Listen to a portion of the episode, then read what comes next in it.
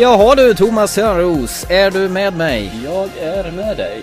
Vad skriker jag för? Ja, inte vet jag, vi sitter långt ifrån varandra. Ja.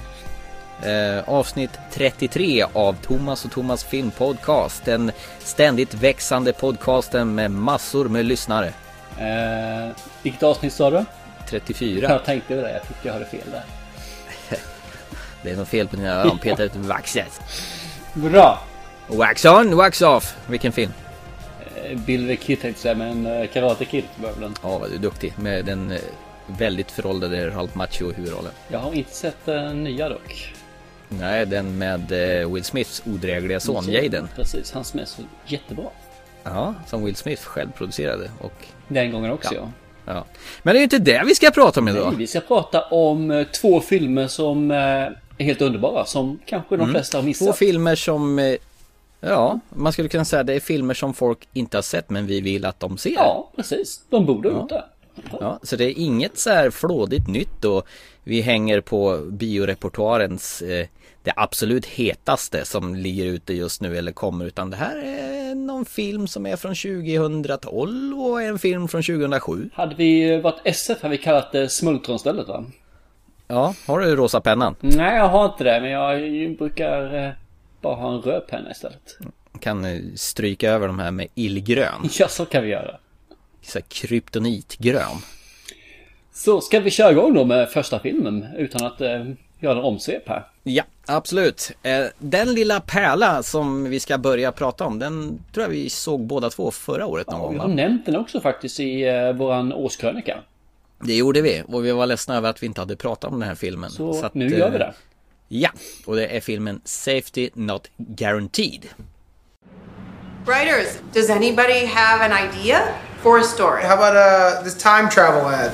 Guy writes a classified that reads, Wanted, someone to go back in time with me. This is not a joke. You'll get paid after we get back. Must bring your own weapons. Safety not guaranteed. I've only done this once before. I want to find this guy. You know, see if maybe he believes in this stuff. I don't know. I think it could be funny. You want to do it? Can I get a couple of interns? Help me with I'll the research? it. Me, do, please. Me. All right, give me the lesbian and the Indian, and I got a story. Certain I'm being recorded. I'm certain I'm being followed. What's wrong with this guy? What makes you think there's something wrong with him? Because he thinks he can go back in time. What are you going back for? The mission has to do with regret, mistakes. No matter how tempting it will be, we're never, ever gonna say, hey, leave your Star Wars figurines in the box because they'll be worth like hundreds more. So, Kenneth, why are you looking for a partner? The world is mostly full of jank holes. It's my hope that if you're watching this video, something incredible has happened.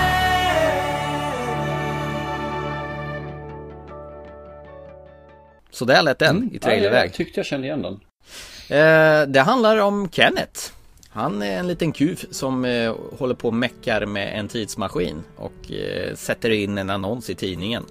Där han vill ha en assistent som kan följa med honom tillbaka i tiden. Och eh, den som följer med honom tillbaka i tiden, han måste ha egna vapen. Och eh, eh, han har bara gjort det här en gång tidigare och han kan inte garantera säkerheten. Därav titeln på filmen ja.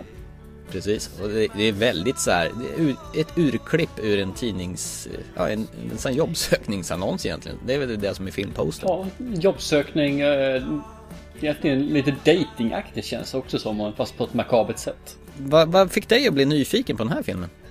En bra fråga faktiskt. Ja, Eh, varför satte du igång den här filmen i din fin, fina DVD-spelare? Det är för alla stora stjärnor i filmen. Det vill säga inga alls. Nej, det som fick mig att dra igång den här faktiskt var för jag, just den här dagen så var jag sugen på lite roligt. Lite så här sci-fi faktiskt, fast det inte är det. Men det här är ju tidsmaskinen tyckte jag var kul. För jag hade sett en film innan här som egentligen var eh, Det handlar om tidsresor och en, eh, vad heter det för någonting, manual för tidsresor i Ja, något sånt där, en stora manual för tidsresor. Det var en eh, billig film, eh, låg budget, bara egentligen i ett rum. Och jag tyckte den var helt fantastisk. Och då tänkte jag, aha, liknar något liknande. Den verkar vara något liknande. Så där, där hakar vi på den här. Och eh, den var ju totalt annorlunda. Den här är ju en, eh, en komedi som du säger, den är, den är väldigt kul på vissa ställen. Men det finns ju karaktärer som eh, sticker ut något fruktansvärt. Det är ju fyra stycken framförallt det handlar om här. Mm. Dels är det den här trekanten, eh, förlåt, de här tre personerna som ska åka och intervjua den här kufen som är ute på vischan någonstans. De jobbar väl på någon sån här eh, lokal tidning i en stad. Ja, som... egentligen är det väl två stycken som är trainee eller praktikanter va? Ja, det är väl en som är riktig anställd där och två praktikanter då. Och hon, den ena praktikanten som heter Darius, väldigt ovanligt namn för en tjej. Mm -hmm. Hon får det i uppdrag då och undersöka det här. Men hon får, får ju med sig den tuffa Jeff då och sen Indien då som heter Arnau. Och Jeff han har väl egentligen en annan tanke där när de inser vart de ska någonstans. För där har ju han sin barndomsförälskelse som han var kär i när han gick på high school och så vidare. Så han eh, ångrar ju väldigt mycket att han inte gjorde någon move där. Så han vill se om hon fortfarande är tillgänglig för honom. Då. Precis, tillbaka mm. till basic kan man säga. Ja, och sen den här Indien då som bara följer med och tycker det är kul att lufta sig lite och han är ganska uttråkad och egentligen tycker att livet är ganska trist så att han gör väl allting för att få lite variation i tillvaron. Ja, han får väl lite hjälp av just den här möven då som är där för att träffa sin flickvän att han ska lära han vad livet går ut på egentligen. Det vill säga ja. flickor. Flickor och sprit. Yes. Men lite grann tillbaka till Darius här. Hon mm. är ju lite kufisk i sig själv också. Hon har lite svårt där med vänner och jag tror att det börjar väl med att han, hennes pappa och hon har väl en diskussion där. Där han egentligen går rakt in på hennes sexliv. Ja, att hon exakt. inte har något sexliv utan är då jungfru man säger.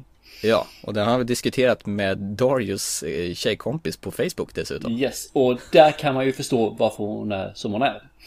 Men Ja. som fader så kan man inte vara riktigt normal.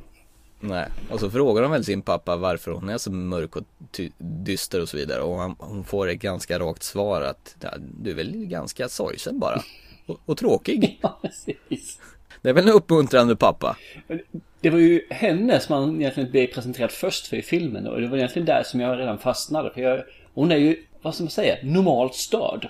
Mm. Du är lite sucker för normalt störda människor va? Egentligen så vill jag ha riktigt stödstörda människor, det man tycker är ännu Mm. roligare. Men i just det här fallet så fanns det någon typ av verklighetsförankring faktiskt i den också. Hon känner Mm. sig lite utanför samtidigt som hon eh, ändå känner sig rätt tillfreds med vad hon är på något konstigt sätt. Mm. Ja, jag håller med. Man fastnade ganska omedelbums eh, på en gång när den här filmen startade igång. De gjorde några så här snabba grepp till att greppa tag i tittaren, det vill säga dig och mig. Den var ju lite, far, lite den var farligt nära i början där att bli en sån här eh, tonårsfilm med de här typ Twilight-sakerna. Med att få bara de här problemen med kärlek, bla bla bla, allt det här Men vänta här nu, vänta, stopp och fin. Har du sett Twilight? Ja, det har jag gjort, har inte du? Eh, nej, Ja, jösses. Nu, ska man ha gjort det? nej, eller ja, det ska man ha gjort. Man ska ha sett Eh, Twilight av den anledningen att man bör veta varför man trashar en film. Och får man Jaha, tycka om okej. en genre. Som, är, som är att jag kan inte sitta och trasha Twilight Nej, det kan du inte göra förrän du har sett skit. Eller jag menar eländet. Ja, har, vänta nu. nu, nu måste vi gå till botten med Har du sett bara Twilight eller har du sett resten av den här fantastiska eh, vampyrdyngan? Eller förlåt, eh, ungdomsserien? Vi måste fundera här faktiskt. Jag tror jag har sett två har jag sett. Du har gjort det med någon tjej hoppas jag? Nej, jag har sett den själv faktiskt. Utbildningssyfte? Utbildningssyfte enbart. Men jag säger att man kan inte tala om att någonting är dåligt utan att verkligen ha sett det. Jag menar, det är så Nej. lätt att trasha någonting som alla andra säger är dåligt för det är en tonårsdravel. Men se det själv och bilda en egen uppfattning och det är det som har meningen. Mm, fast jag har sett The Host och jag har sett eh, The Hunger Games och jag har även sett tvåan Catching Fire om vi ska gå upp på sån här tonårs eh, ja, sci- sci-fi filmhistoria. Ja, jag har gjort samma, dock inte The Host. Jag har sett den. Ja, Jag har också någon sån här baserat på en av hon Twilight eh, författerskan, vad nu heter. Problemet är ju att det här verkar vara något som kommer. Det finns väl den här Divergent. Divergent, Det är ja. samma precis- sak egentligen fast i ny Ja. tappning nu då. Det är också en helt ny boks, eller serie böcker som de ska göra en hel film på som de, de har satsat grymt mycket stålars på och vill få skjuta i höjden. Ja, och antagligen kommer det göra det med för att eh, de som börjar gå på bio och se filmer nu är ju faktiskt eh, tonårsflickor. Mm. Och det som verkar appellera att det ska vara någon form av sci-fi värld och det ska vara lite någon kärlekshistoria och det ska vara unga hippa skådisar som Snygga ska skådespelare. Snygga skådisar. Även om de ska spela en jävla vrak i något skitigt eh, sån här apokalyptisk, nu jorden har gått undervärld så är de väldigt snygga och sminkade i alla fall. Jajamän, det finns inget som är...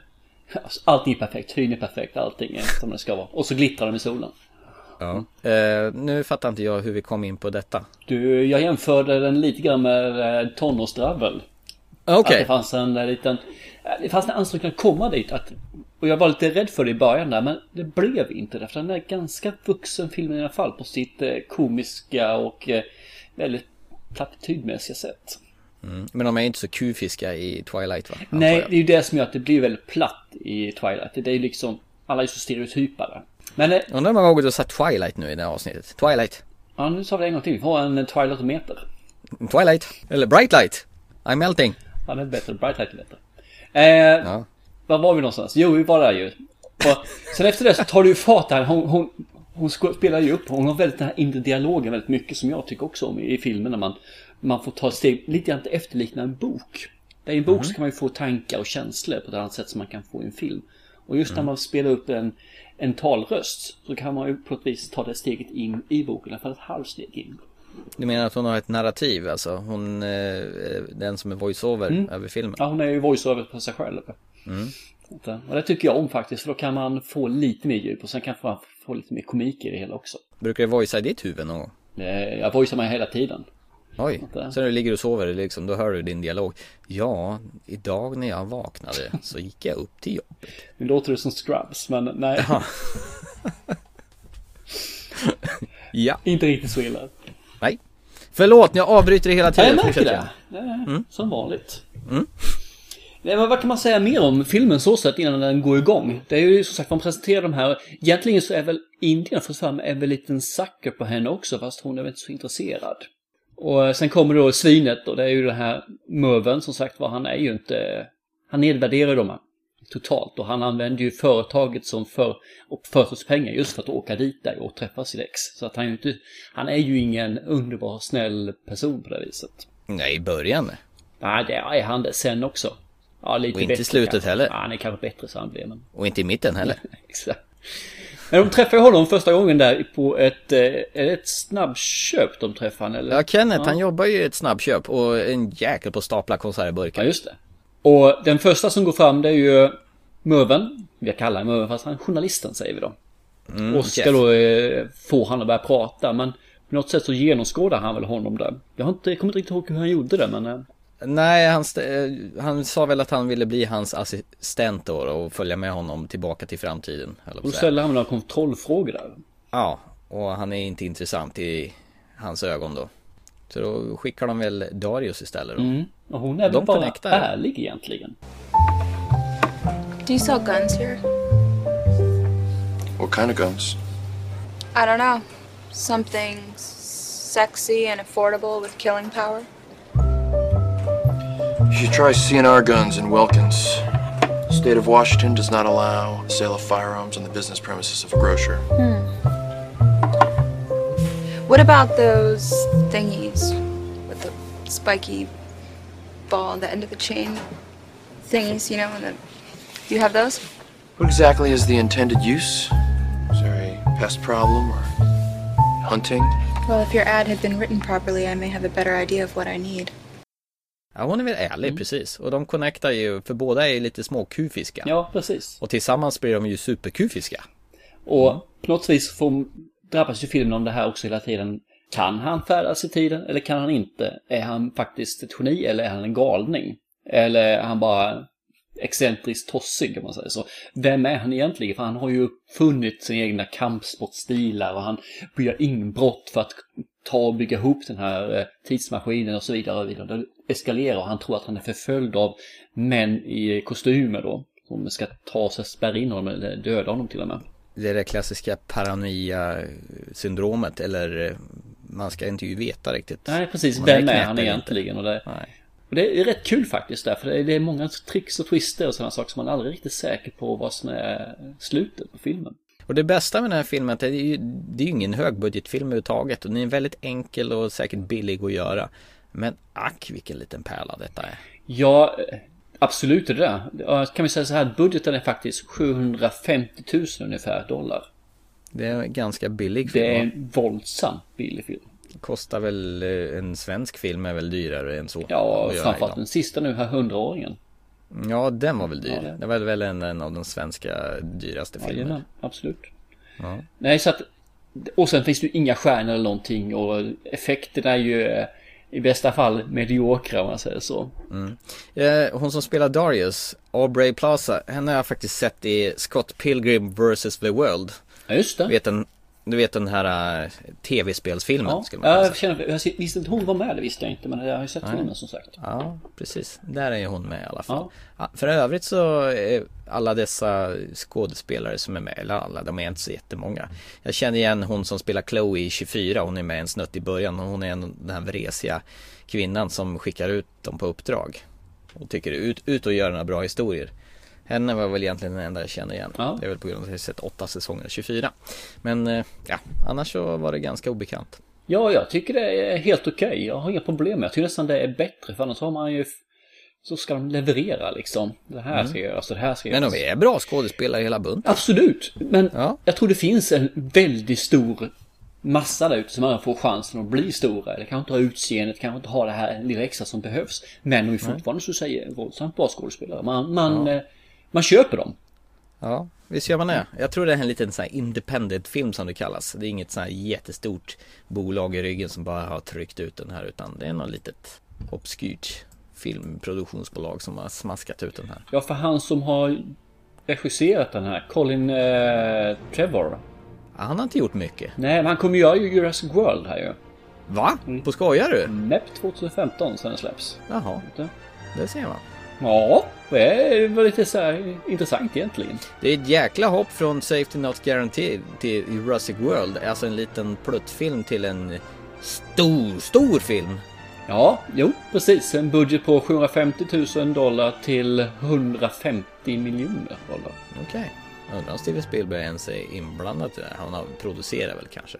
Jag vet inte riktigt. eh, ni inte sluta Steve Spielberg, eller hur var det? Jag vet Han har, inte. han har gjort Schindler's list, det räcker väl. Ja. Och Hajen. Jag tror inte han är med där överhuvudtaget faktiskt Jurassic World när jag tänker efter. Jag har inte eh, sett hans namn när jag läst om dem. Nej, bara för man startar upp en filmserie så behöver man ju inte vara med på de kommande. Det har vi ju pratat om flera Det gånger. har ju hänt som sagt var x antal gånger och hoppat av ju så att den... Ja, apropå Robocop när vi pratade om Paul Verhoeven.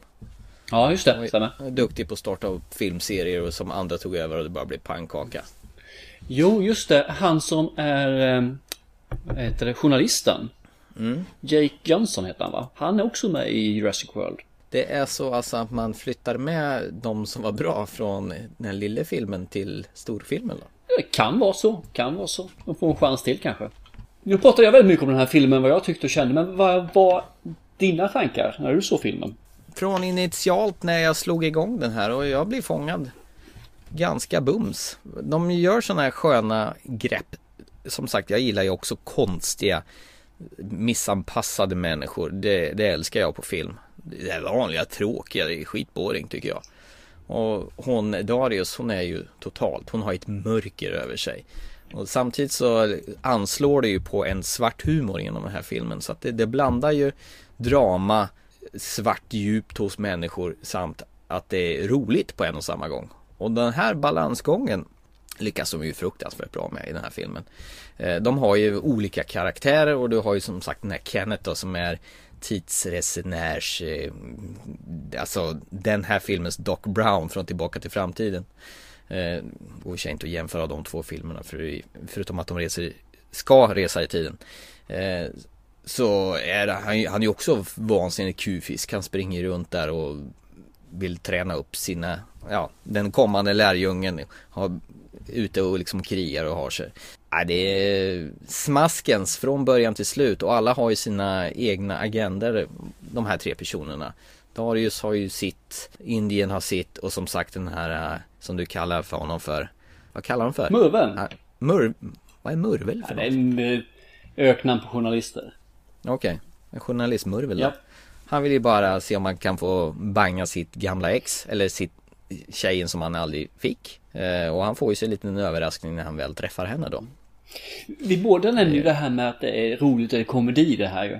Och jag Mm. måste säga det egentligen, humorn i den här filmen är ju inte det att man får en trumvirvel såhär Nej, nej. Och där det, kommer skratten. det är ju inga Oscar på något Nej, vis, utan det är ju och karaktärerna och ett- situationerna som gör att det Ja. blir jättekul. Så det är inte det här att de kommer med en klatschig, där är det kul. Utan de bygger upp det och sen så blir det kul i själva scenen och själva agerandet och hur de presenterar fram det i hela vägen. är det som är kul.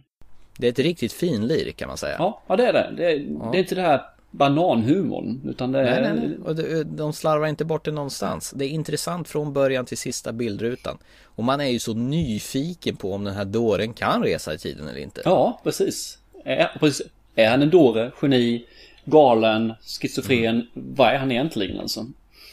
Och det håller de ju till sista filmrutan. Och det är ju lite synd att en sån här liten pärla bara passerar förbi. Det är väl någonting som får lite uppmärksamhet på några filmfestivaler. För den jag gick inte tänka upp på bio den här va? Nej, det här var direkt till eh, video. Ja, Ordentligt. Video tror jag inte den gick till visserligen. Nej. Okej, direkt till Betamax. Super 8. Jösses, men du är gammal, gammal, gammal. Ja, okej, direkt till Blu-ray. Yes, där har vi någonting. Nej men eh, Safety Not Guaranteed eh, rekommenderas varmt. Ja, det, det är en mumma. Det är en av de här eh, guldkornen från, eh, nu säger jag 2013 för det var då jag såg den, men den kom ut 2012. Så. Är du nöjd? Jag är alltid nöjd Jag är alltid när jag får prata film med dig. Ska vi gå tillbaka en fem år i tiden? Kan vi göra innan luften går ur mig. Ja, ja. Men du får andas in då. Ja.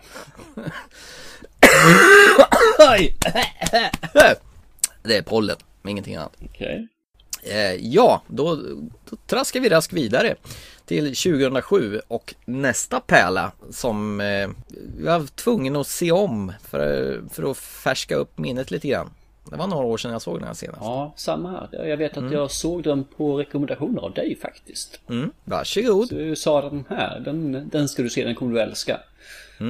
Den har ju kanske världens, e oj, vad ska man säga, titeln säger inte så mycket om filmen men den heter i alla fall The Air I Breathe.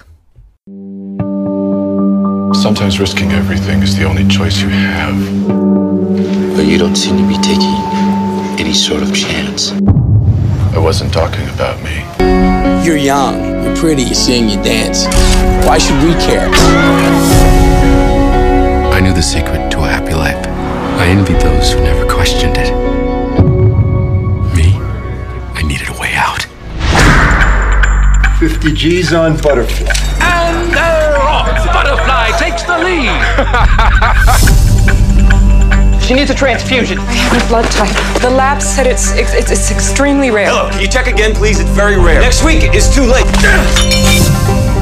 You want to take Tony out on your rounds tonight? Show him the city what we do? Of course. Did you know that scars are the roadmap to the soul? When you can see the future, you think you're capable of changing it. Oh my goodness, he's down. But you're just a witness to coming moments. Unable to help. You don't understand, she's gonna die! You got two weeks to pay me the money. Each day you're late, I cut a finger. Every man has his destiny. He can't escape it. Så, gick luften ur dig nu? I den här filmen, The Air I Breathe, så är det ju jämfört med den andra filmen så finns här ju några stycken skådespelare man känner igen. Eh, Framförallt Några? fyra stycken som jag skulle relatera till i alla fall. Eller fem, ja. Kevin Bacon blir fem det egentligen. Kevin Bacon glömde bort när han sa fyra. Brendan Fraser? Brendan Fraser, precis. Sarah Michelle Gellar? Absolut. Forrest Whitaker? Ja. Julie Delphi? Nej, Andy Garcia tänker jag på. Ja, Andy Garcia också. Du ser, det är en helt driva med Yes. massa folk Men det var de fem som jag framförallt tänkte på. Okej. Den här filmen den baseras ju på såna här gamla, vad kallas det? Proverb heter det på engelska. Eh, om, om du ska svenska översätta. Ordspråk heter det för tusan. Det är alltså fyra hörnstenar egentligen det handlar om. Det handlar om kärlek, det handlar om sorg och det handlar om lycka och det handlar om njutning. Och eh, det börjar med lycka. Det är alltså Forrest Whitakers rollfigur. Han som ser så ledsen ut och har sneda ögon. Ja, vad känner du han ifrån? Vad vad är ditt första möte med honom? Eh, ja, jag tänker, han har ju spelat Idi Amin, har han gjort. Den här eh, tyrannen eller diktatorn i Afrika. Som var i, las- vad heter King of Scotland, tror jag han hette. I den filmen. Ja, okej. Ja, sen känner jag igen honom från Species, den här sci-fi-rullen. Eh, med någon så här alien-liknande brutta som de jagar. Ja, det, det är min första film jag känner igen honom från. Ja, och, och just det. Vad heter den där? The Crying Game också. Den här IRA-agenten som eh, mular, ska mula honom i början. Aha, han okej. ber honom att söka upp hans kvinna i någon liten stad som visar sig vara en transa. Så nu avslöjat den filmen. Sen har vi den sista filmen jag har sett honom med och det är The Butler. Ja, den har jag faktiskt inte sett än. Den ska du göra. Den är horribelt bra. Oj, är det så pass? Ja, det är den. Den, eh, ja, den gav... Jag måste säga så här, den här gav ju mig det de flesta fick ut av 12 years a slave. Oj, är det så? Ja, det är det. Den här anser jag är milsväg mycket bättre. Men det kan ju bero på att jag köper den på ett helt annat sätt än vad jag gjorde med 12 years. Ja, ja. Jo, jag har för mig du var inte så här hyper eh, av den som jag var då. Nej, det, det var jag inte. När jag trashade Rush i samma program. Exakt då, eh, gjorde en kovändning sen nästa gång du såg den. Mm, jag fick äta upp det där ganska hårt där. Absolut, kommer fortsätta få göra det. Nej men den, den, är, den ska vi nog kunna eventuellt ta och prata om i ett senare program faktiskt. För den är, den är värd uppmärksamhet också. Mm. Okej, och tillbaka till The Air I Breathe Yes. då. Då är det ju först då alltså Forrest Whitakers rollfigur. Han är någon slags, eh, vad är han? Han är... Han håller ju på med jobbar- att investera i aktier va? Hjälper Ja. till med folk i alla fall att investera. Exakt. Och sen eh, överhör han ju sina kollegor att de, att det, de ska satsa pengar på ett sånt hästlopp där loppet är riggat då. Och hästen heter det, Butterfly. Butterfly. För han Ja. älskar fjärilar den här personen också. Han samlar ju Då, på dem. då känner ju han att det här är ju ett tecken från ovan. Här kan ju inte gå fel. Så han satsar väl i princip alla sina besparingar. Ja, mer än det va? Ja, Han- och han till och med lånar ju pengar av eh, det här bettinghuset då som han har hittat något litet olagligt ställe som han egentligen inte ska ha hittat till. Mm. Man följer ju efter sina arbetskamrater då. Och det går ju inte så bra för honom där. Så då blir han introducerad för nästa karaktär. Andy Garcias karaktär. Fingers, Mr Fingers. Som har en förklaring varför han heter Fingers tror jag. Tre eller fyra stycken i filmen. Ja, precis. Men den, den som är närmast sanningen det är väl att han klipper av fingrarna ett varje, en varje dag för om de inte betalar pengarna som är skyldiga till honom. Som de har lånat. Vilket jag tycker är helt eh, fantastiskt med tanke på om han skadar en person så är det rätt svårt att få ut pengar efteråt också. Men det fanns väl kanske en viss njutning i det. Ja, det är sant. Var det där pleasure? Nej. Ja, jag kan. Och det, det roliga är just det när, när han gör det här så tänker jag hela tiden på Darkman, den filmen. Från... Ja, just det. Han med cigarravsnopparen. ja. Yes. Den fina Liam Neeson-filmen. Den är helt fantastisk också. Fast. Andy Garcia, aslänge sedan man såg honom i någonting. Så det, det här var ju faktiskt kul att se honom igen. Ja, det stämmer. Eh, Alltså, det är väl Gudfadern 3 och den här 8 million ways to die med Jeff Bridges. Eller 8 miljoner sätt att dö på svensk översättning. Ja. Eh, och sen gjorde han någon sån här internal affairs tror jag med eh, eh, vad tusan heter han? Pretty Woman. Han är, i, är med i Oceans-filmen också. Oceans Ja, just 12 det. och rånar väl han. De 13, ska jag. råna va? Ja, i, i 12 rånar de honom och i 13 så ska de väl betala tillbaka. Men han ser ju ut som en sån här gangster Sicilien eh, gudfader historia som Jag förstår ju att han får såna här roller hela tiden med, med hans backslick och hans Ja, han ser ut som italienare och lite så här kalla ögon Ja. och så här så att absolut. Han är väl italienare skulle jag tro Säkerligen. Andy Garcia eh, Apropå pleasure så har jag ju en, eh, en, en kille som tar hand om de här indrivningarna av pengarna som spelas av Brendan Fraser The Eh, Va? The Mummy. Ja just det, Mumien ja, bland annat Och här gör han ju faktiskt en tvärtomroll mot vad han brukar göra från sina lättsamma figurer från Jungle George och, och hjälten i Mumien och så vidare Ja. För här är han ju nattsvart i den här filmen och han har ju ett mörker som är mörkare än allting annat Ja, han är ju inte... Det är ingen humor som man brukar ha de här klatschiga one-liners och sådana saker. Så det, det finns ju en mycket mörkare underliggande ton i honom. Absolut gör det Mm. Och han har en liten färdighet, en liten skill den här mannen. Han har en förmåga att se in i framtiden vad som ska ske med folk. Så han fast- kan hela tiden förutse saker. Fast det är egentligen bara glimpsar av eh, framtiden. Ja. Som man säger som eh, reflektioner i speglar och glasskärvor och sådana saker. Så han kan se delar av det. Och han spelar ju den här som, eh, som ser till så att folk betalar. Spöar väl upp dem ganska gula och blåa då. Och Ja. jobbar för han Mr Fingers En då. liten torped. Och sen kommer vi till nästa eh, person och det är ju eh, Sarah Michelle Gellers eh, rollfigur som är en slags popstjärna alla Britney Spears. Mm, exakt, exakt, det kan man nog säga. Och hon hamnar väl i händerna på en Mr Fingers också på ett olyckligt sätt då hennes manager har losat alla pengar och blir skyldig Mr Fingers allt han äger och har så att han i princip säljer väl ut henne. Ja, han gör det. Säljer kontraktet till honom då ju. Och han vill väl tjäna pengar som sagt Fingers.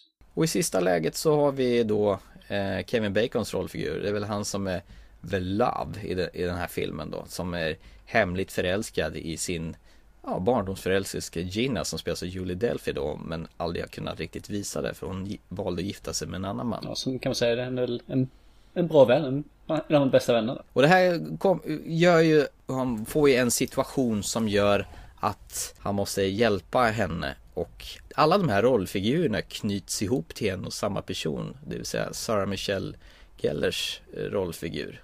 Som eh, krasst kallas för Sorrow i den här filmen. Fast hon heter Tricia eller något sånt där va? I hennes artistnamn. Mm, ja, precis. Så alla på, det är fyra separata historier som bara smaskar ihop och vävs in till en och samma bana där. Och det, de gör det på ett förträffligt tjusigt vis tycker jag. Ja, alla hör ihop på något sätt. Det är den mm. här eh, fyra historier i en syndromen. Det har ju hänt i flertal olika filmer men oh ja. de gör det med lite extra finess i den här filmen. Det, det görs det, absolut. Återigen så har man den här voiceovern som finns med i många scener också som jag då tycker om. Och det kanske är därför mm. jag tycker om båda de här filmerna. Mm. Fast här är ju varje rollfigur voiceover som pratar. Va? Exakt, så, så det blir ju egentligen att det blir en ny novell i det hela. I början så fattade inte jag att det var en ny person som berättade en ny historia utan man mm. fick ta sig en funderare för den är man får faktiskt vara lite aktiv när man ser den här filmen. Det är, det är ingen djup film på det viset som man kan säga att wow, här får man verkligen tänka till. Men man måste vara aktiv när man ser den. Och den har ju, jag är ju sucker för filmmusik och den har ju väldigt skön soundtrack den här filmen.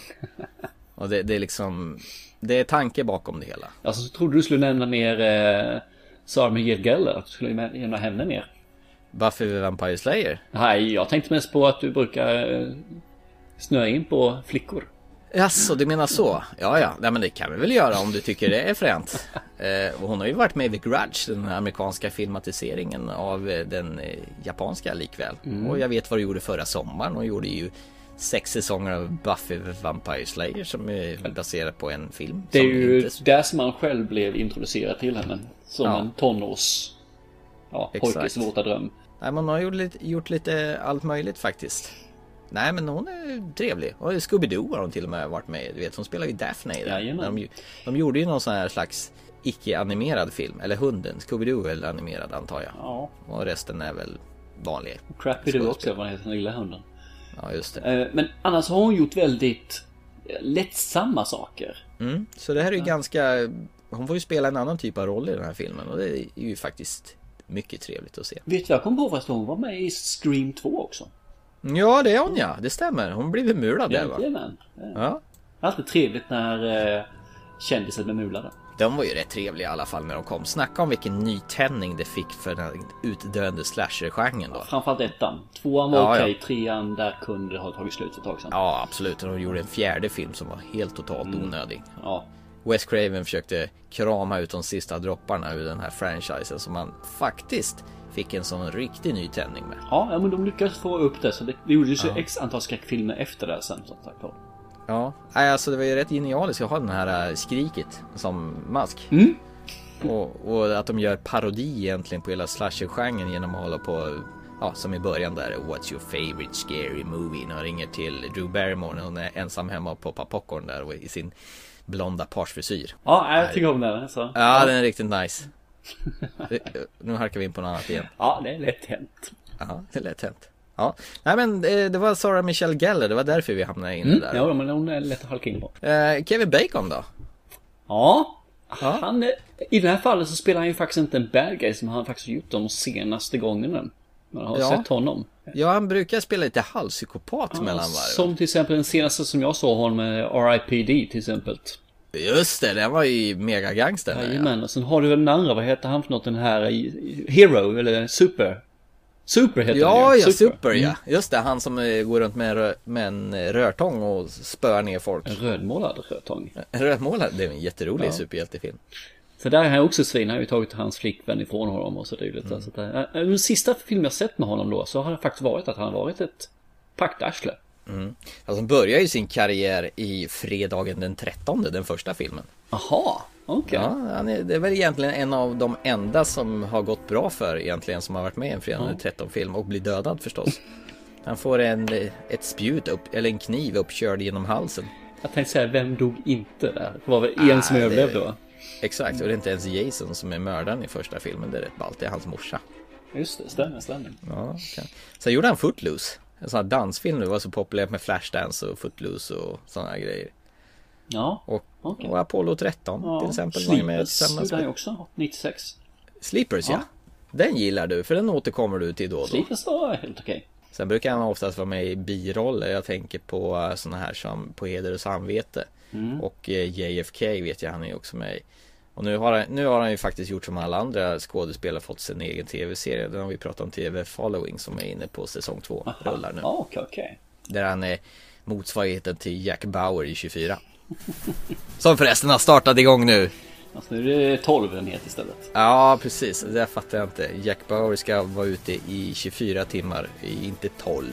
Då blir det till 24. Nej. Nej, jag har inte följt alls, så jag ska inte säga någonting. Vi har Kalifornien här som sagt var. Va, Nej, det var Kevin Bacon vi var inne och avhandlade. vad eh, skulle du säga mer om filmen? Varför ska du... Varför skulle någon se den här filmen? Vad är det som gör den speciell för dig? Liksom den andra filmen, det, den engagerar en från början. De presenterar en historia som eh, det, det, man ska säga det, det, är som en, eh, det är som en stafett där egentligen. Man bär facklan vidare till nästa person. Den historien bygger på nästa historia och den historien bygger på nästa historia. Och till slut så, ja, det pusslas ihop på ett väldigt smart sätt härigenom. Och jag är lite svag för sådana grejer. Hur flera folks öden, liksom som ett pussel, slinker in i varandra. Och i, i slutändan så, ah, så får man en aha-upplevelse av större mått. Ah, den, är, den är snygg, det är bra skådespelare, det är bra musik. Och det är också en sån här liten pärla som förtjänar mer uppmärksamhet än vad den har fått, tycker jag. Mm, jag håller med. Eh, det som är intressant när vi pratar om båda de här filmen nu, eh, Safe Not Guaranteed och The Era Breathe, Mm. är ju att det är ju karaktärerna som egentligen driver filmen och egentligen där som man Visst är det så, att- det är ju karaktärsdriven Ja. film överhuvudtaget. Utan dem så skulle nog filmen vara ganska, filmerna vara ganska platta. Det verkar som att det, den sammanhållande länken i filmerna är att det är väldigt eh, unika och färgstarka karaktärer. Och det är nog det som man är ute efter. Ja, Det är nog det man är ute efter när man ser film så vill man att karaktärerna, det ska ge någonting. Det är lite grann den här Silver Linus Guide-look. Samma sak där. Karaktärerna Mm. är ju over top i vissa fall men de är ändå så här färgstarka så man kan Mm. relatera till dem. Men så är det ju oftast i vad man än tittar på om det nu är en superhjältefilm eller om det är någon action eller någonting. Har en ordentligt färgstark skurk. Jag tänker på Die Hard, den första Die Hard. Han, Hans Gruber, han är ju ganska Han satte ju filmskurken som en ny sorts variant. När Bruce Willis springer runt i en Nakanomo building och han Nej, det är ju riktigt fräckt. Eller Kurgan i Highlander för all del. Eh, hittar du en färg, eller en, skurkarna i någon Batman-film eller något sånt där som är oftast tuffare än vad hjälten är. Det är ju de som, som du säger, en stark, färgstark. Fast där vill jag nog gå in och säga, när du säger Batman-filmer, jag har inget emot Batman-filmer på det viset. Men de ligger ju inte i paritet med de här överhuvudtaget. Nej, det gör de förstås inte. Och det, hur mycket du än gör dem färgstarka så är det fortfarande, du ska ändå tro på karaktärerna. Nu Mm, kan det vara jo. en superhjälte som eh, kan eh, fejsa genom väggar eller vad som helst, här, använda magi eller vad det kan vara. Sånt. Det spelar ingen roll, du måste ändå tro på karaktären hur den presenteras. I det Mm, universumet som den då finns. Mm. Och det, det här lyckas ju vid Air I Breathe det är fullständigt hela linan ut. Det finns ju ingen av de här Trots att karaktärerna. de lägger in den här övernaturliga att han kan se in i framtiden så är det så betydelselöst väldigt viktig. Om du förstår vad jag menar. Ja, ja, Den absolut. är viktig för filmen som sådan men den är egentligen obetydlig att den är att han kan se i framtiden. Det kunde vara vilken förmåga som helst egentligen. Det kunde vara att han var duktig på att googla fram information eller vad som helst. Mm. Det är bara det att den finns där. Och den, nej, den, Det kittlar väl lite Ja, grann det kanske. Just det här med att han ska få se vad som händer. Och sen blir det lite oväntade vändningar förstås. Ja, absolut. Det, det är också man- någonting som är ett måste. Du kan inte... En film där du kan förutse slutet är oftast... Eh, den är svår att tycka om på samma sätt tycker jag. Mm. Ja, den här är omöjlig att förutse hur den ska sluta. Förutom när vi går tillbaka till Rush där man visste slutet och man kunde lite grann av historien. Men Ja, ja. där var det ju vägen dit som var det viktiga egentligen. Ja, ja, exakt. Det här är ju liksom bara du ska... Du får reda på mer och mer längs vägens gång. Ja, exakt. Hur de, hur de binds samman. Och som sagt var, den kom ut 2007 och jag tror även den här gick direkt till DVD-hyllan. Mm. Och vet du vad jag hittade den här? Jag var härom, härom för några år sedan så var jag eh, Vi var på semester så var jag en sväng till Stockholm och så stod jag bläddrade Jo det var på Lagerhaus heter det ju Ah, okay. Var vi inne och så stod jag och bläddrade en sån här reaback Bland massa DVD-filmer Och då hittade jag den här för 19,90 På DVD Och då kände jag att Oj, den här kommer jag vilja se om igen. Så att jag köpte den och det är några år sedan. Och den har stått där inplastad i min DVD-hylla bara i väntan på att vi äh, ska prata om den här filmen. Och nu till slut så gjorde vi det. Och det kändes så fint att ta upp den plasten och stoppa in den här i DVD-spelaren och slå igång den här och sätta sig ner med en kopp kaffe och bara avnjuta den här fantastiska 95 minuterna en gång till och se Alden Garcia, Sarah Michelle Geller, Brendan Fraser och Forrest Whitaker återigen i den här kanonrulle. Smaskens. Ja, jag är tyst hemförd och kan inte säga mycket mer än så. Nej, det märkliga är att eh, regissören Ji-Ho Lee, han har inte gjort egentligen någonting förutom den här filmen. Nej, jag, jag vet ingenting som han har gjort. Nej, ganska ung, född 73. Jätteung, eller hur? Han är ju eh, bara barnet. Ja, precis. Nej, men alltså, jag fattar inte. Med tanke på att en talang som den här eh, regissören måste besitta. Eller är det bara skådespelarna som gör filmen bra? Jag menar, då borde han ju göra någonting mer. Vad Skådespelarna, hände? skådespelarna är ju brutalt duktiga. Det ska man ju inte Mm. säga annat alltså. Nej. Men eh, hur film presenteras är ju inte skådespelarna utan det, där har vi ju Mr. Lee. Nej, jag, är, jag tycker också det är konstigt. Den här kom ut 2007 och han har inte gjort någonting efter det direkt. Nej, han kanske är död. Nej. Nej, han är född 73, han kan inte vara död. Ja, nej men Jag tycker nog att vi har eh, orerat klart kring detta. Jag känner det också. Mm. Och båda filmerna rekommenderar vi varmt och man bör se dem faktiskt om man eh, tycker Mm. om film.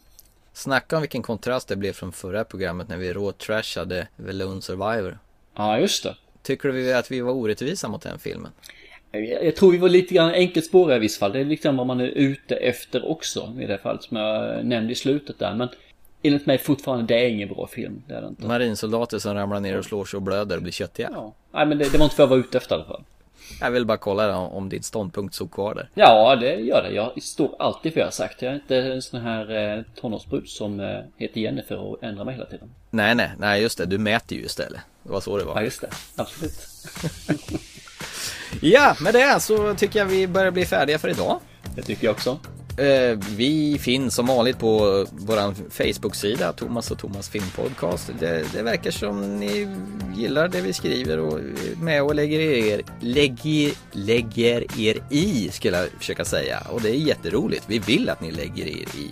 Tipsa oss vad ni vill, fortsätt med det. Det kommer in flera saker. Många av er skriver in, ber oss prata om saker och vi kommer att göra det i turordning. Det kommer och eh, genom de mejl vi fått så har, vi fått andra upplägg också som vi vill gå igenom här. Så att det, det blev kanske inte enbart det ni har sagt utan det kan bli någonting extra utöver det med. Så att det är jättebra att få inspiration av er. Mm. Men Precis. vi ska inte bli långrandiga tycker jag. Utan Nej. Det är dags att lägga ner Thomas. Ja, vi får väl säga så här. Lyssna på oss på iTunes och Podbean så på gamla avsnitt så hörs vi väl till nästa gång då. Det gör vi helt klart. Ha det gott där ute. Detsamma. Hej hej. Hej hej. Stand straight, fall back in line. Comb your hair, get to work on time. Everyone in the big machine tries to break your heart and pull you underneath. Maybe I'm wrong and all that you get is what you see. Maybe I'm right and there's something out there to believe. Everybody's talking in their sleep. They push a lot of air around but don't say much of anything.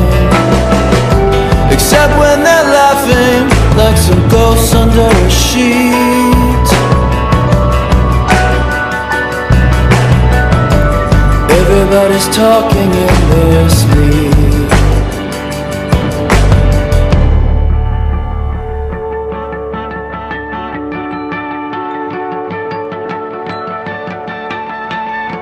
Watch out, get back in line. They'll trip you up, happens every time. Way down, it's just a big machine. It can break apart like anything. Maybe I'm wrong and all